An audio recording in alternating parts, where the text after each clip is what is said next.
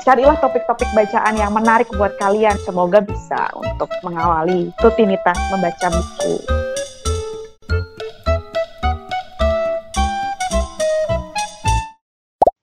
Halo Flo.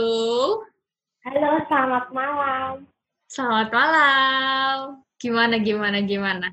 Aku lebih senang karena ini uh, awal bulan. Enggak sih sebenarnya aku lebih senang akhir bulan. Aku lebih beli buku.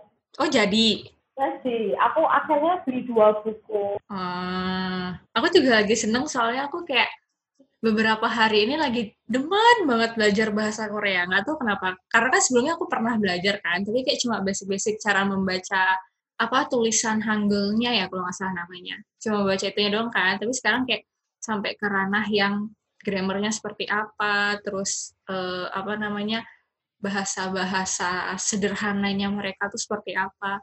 Dan ternyata menyenangkan karena aku kan tipe orangnya adalah tipe orang yang visual kan beda sama kamu. Kalau kamu kan lebih ke buku kan, kalau aku kan prefernya kan ke tontonan gitu. Jadi kayak karena cukup lelah membaca subtitle, kadang aku kayak mikir apa aku belajar aja ya toh juga kalau otodidak harusnya bisa lah dasar-dasarnya gitu terus aku sekarang lagi happy aja gitu belajar bahasa Korea tapi kebetulan buku yang aku beli itu Buddha orang Buddha gitu loh si biksu gitu yang nulis habis itu terus kayaknya ini dia dari ini dari dari Korea juga. Iya nggak sih? Soalnya ini aku bukunya aku direkomendasiin sama Kak Sita.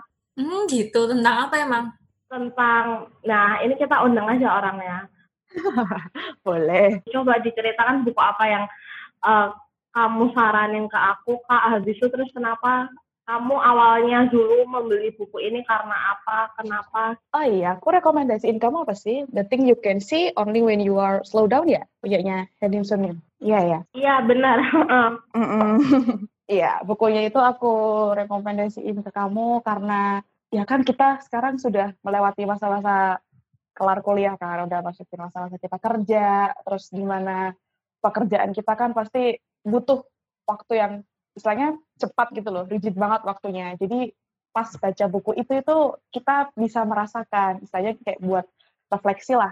Ketika kamu bergerak terlalu cepat, itu kamu banyak banget ninggalin momen-momen berharga. Bahkan saat kamu makan, atau saat kamu minum air, bangun tidur, gitu-gitu tuh ada momen-momen spesial yang sebenarnya sayang sih buat dilewatin gitu. Makanya aku rekomendasiin buku itu buat kamu. Emang yang sebenarnya momen terlewatkan itu dalam tanda kutip momen yang kayak gimana sih? Kalau aku sih, aku baca buku itu tuh banyak banget kayak menyadarkan kita gitu loh. Kalau jadi orang itu kan kalau terlalu cepat kan sebenarnya juga nggak baik ya, gampang capeknya, gampang lelahnya, terus kamu tidak bisa menikmati eh, tiap-tiap uh, momen hidup kamu gitu. Misalnya nih pas kamu makan, pas kamu makan nih break time nih waktu kita kerja jam 12 sampai jam 1 lah anggaplah. Ketika kamu cepet-cepet makan terus kamu makan sambil kamu main handphone, balesin chat-chat kantor gitu-gitu kan itu cukup mendistraksi sebenarnya. Bahkan kalian ngerti nggak sih kalau multitasking itu sebenarnya nggak baik. Multitasking itu adalah sebuah hoax. Tahu nggak itu? Aku dari dulu sih tidak percaya dengan adanya multitasking eh, iya kan? dan aku sendiri satu dulu gitu. Yang lain ya nanti dulu gitu. Dari buku itu tuh aku belajar gitu loh. Kan emang dari awal eh capek banget sih multitasking kan bikin capek sebenarnya. Jadi ketika kamu fokus pada satu hal kamu ngerjainnya dengan istilahnya nggak mesti pelan sih tapi kamu fokus dengan hal itu. Kalau kamu makan terus kamu menikmati makanan apa yang kamu makan kayak gitu. Jadi kamu benar-benar menghargai tiap menit aja dalam hidup kamu gitu. Jadi benar dia iya. itu adalah seorang Buddha, seorang Buddha yang mempelajari kehidupan Zen gitu kan, gitu. Terus banyak hmm. banget banyak banget istilahnya uh, cara kamu menikmati hidup, cara kamu apa mencintai dirimu sendiri itu banyak banget aku belajar dari dua buku itu dan dua buku itu sebenarnya highlight aku di tahun 2019 sih 2019 awal 2019 sama awal 2020. Terus aku jadi ingat deh ketika baca buku ini karena yang nulis seorang Buddha terus aku mengingat ah buku pertama yang bikin aku jadi suka baca tuh bukunya ternyata juga tentang hal-hal semacam itu. Mana kalau Kak kita awal mulanya suka baca buku tuh karena buku apa? Sebenarnya tuh kalau Vitama dia tuh dulu adalah orang yang gak suka baca buku. Jadi aku senang banget sama visual. Kan background aku kan advertising kan, jadi senang sama macam-macam visual gitu kan sebenarnya. Nah, terus begitu mulai masuk uh, mau skripsian kan pasti harus cari topik-topik buku nih, buku apa sih yang seru buat dibaca gitu kan, buat bahan skripsi.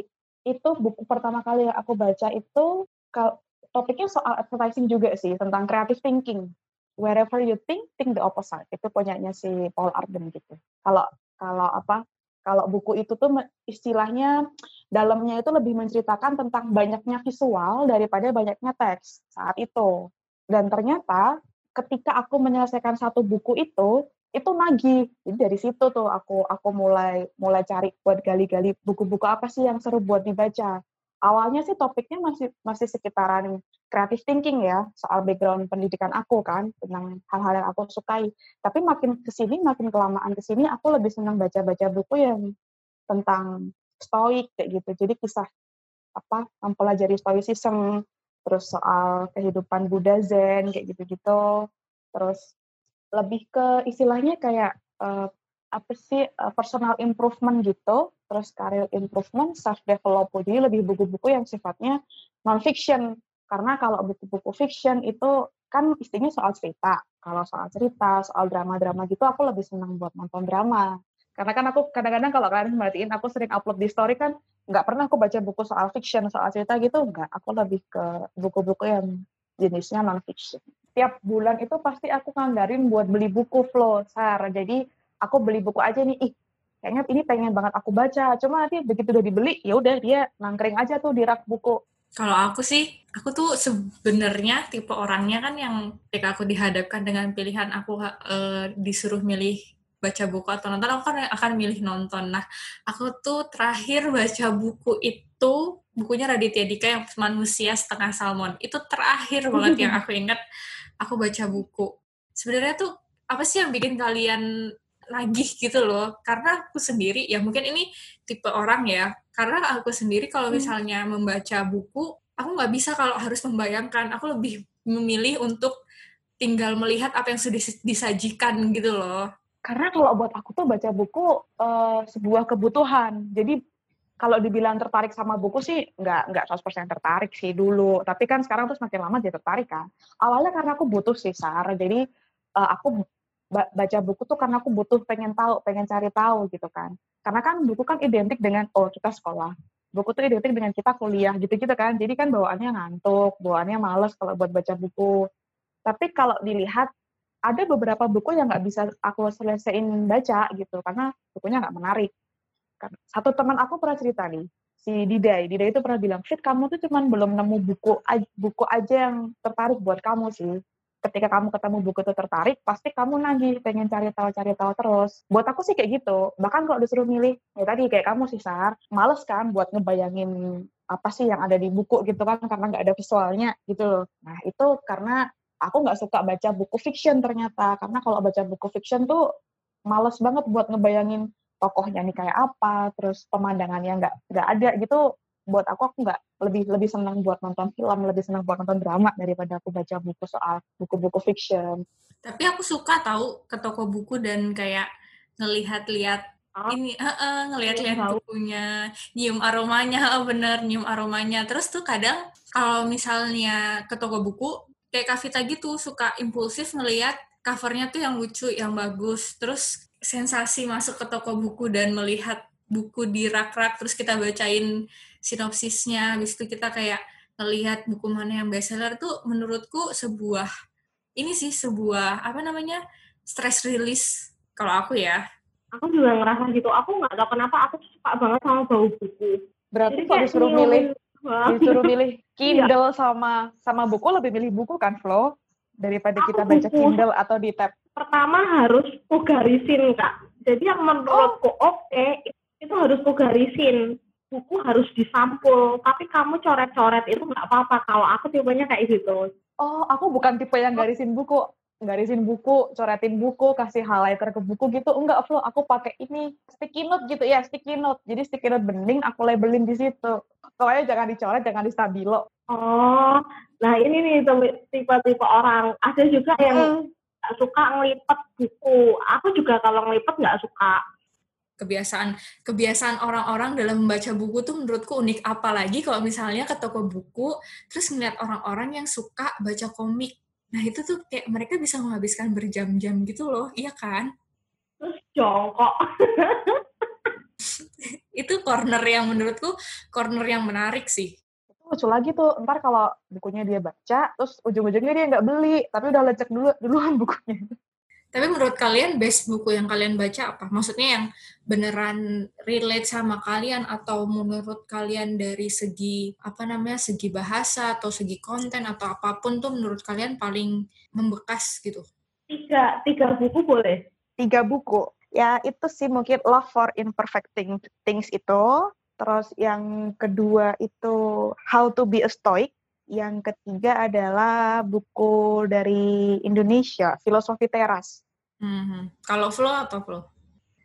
Ya dua tahun terakhir aja ya. Yang pertama tuh Animal Farm. Jadi itu ceritanya tentang peternakan babi, terus habis itu ayam, terus ya pokoknya peternakan yang di satu peternakan tuh nyampur-nyampur gitu loh hewannya. Tapi sebenarnya intinya sih kayak ke, lebih ke kapitalisme gitu loh. Terus habis itu yang kedua uh, anatomi rasa punyanya Ayu Utami.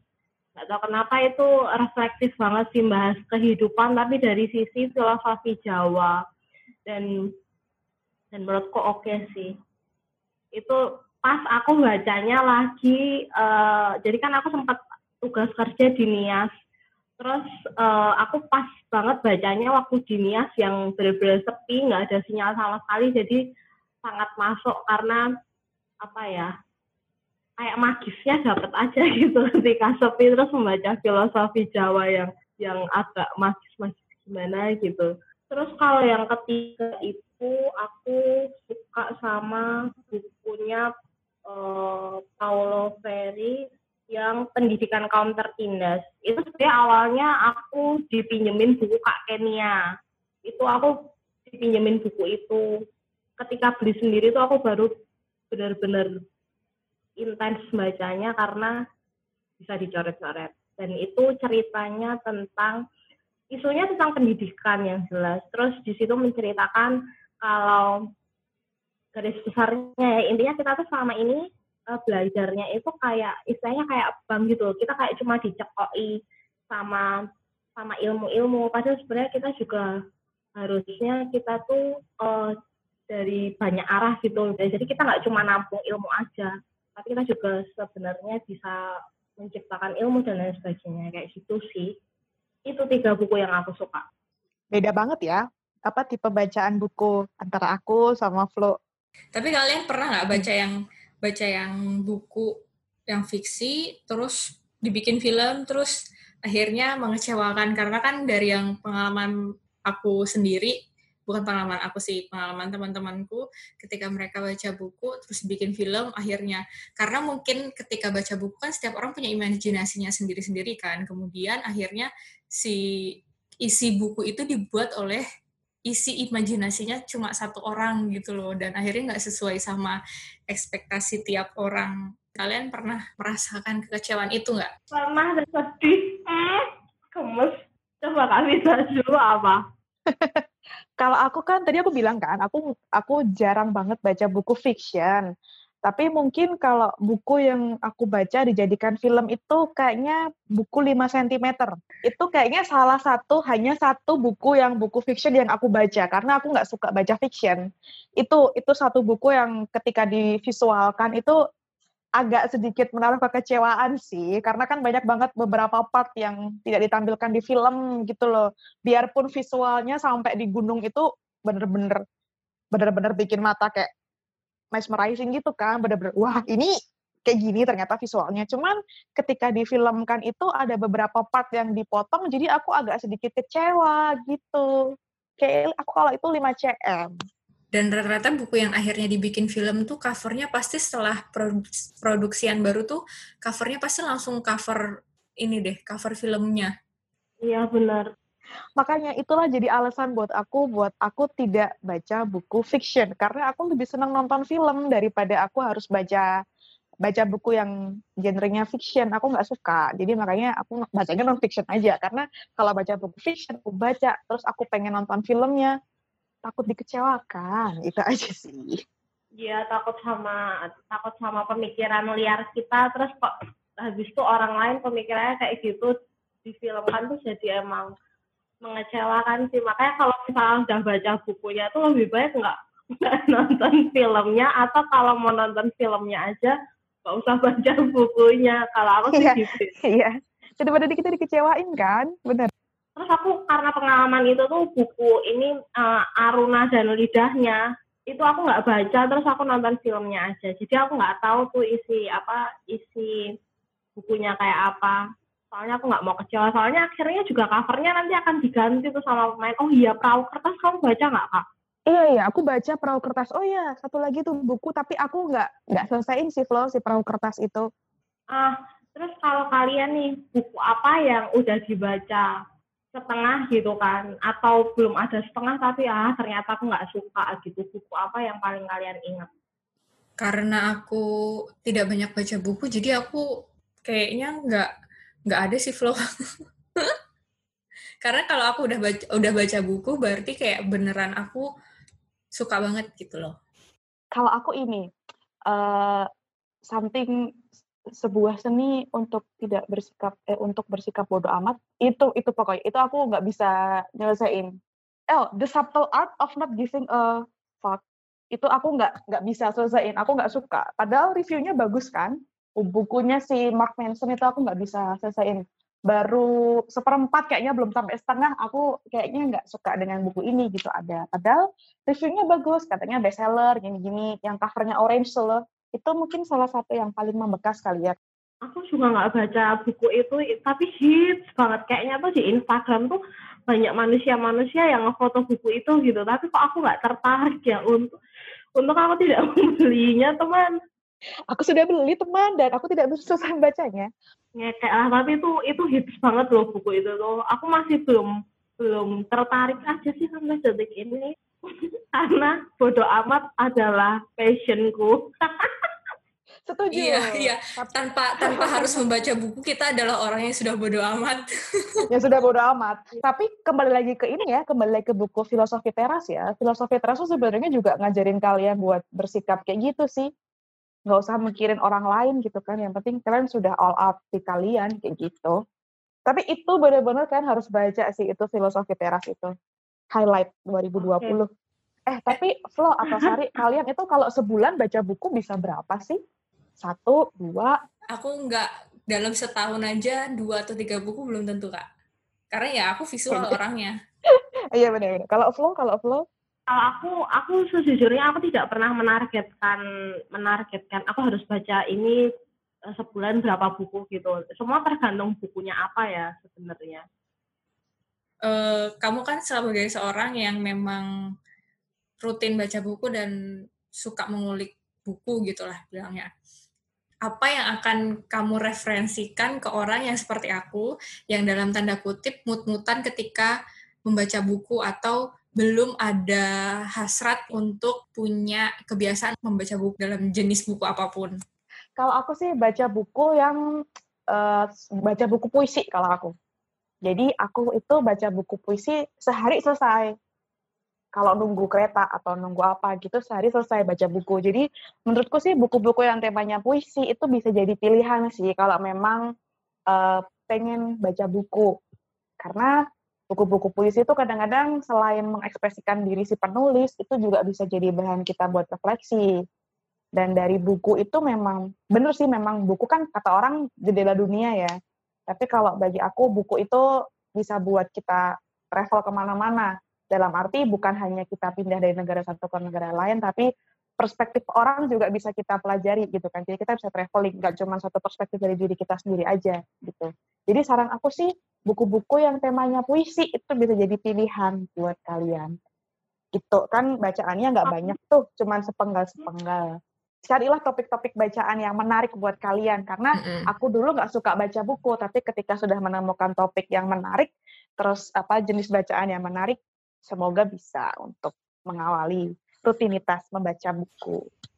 kalau cerpen gitu kak Hmm, kalau aku cerpen juga bisa, cuma kan cerpen kebanyakan kan tidak di dalam buku ya, bisa kan apa comotan dari majalah atau apa. Kalau aku sih lebih ke puisi sih. Karena mungkin uh, apa kesukaan baca bukuku adalah buku-buku yang non-fiction.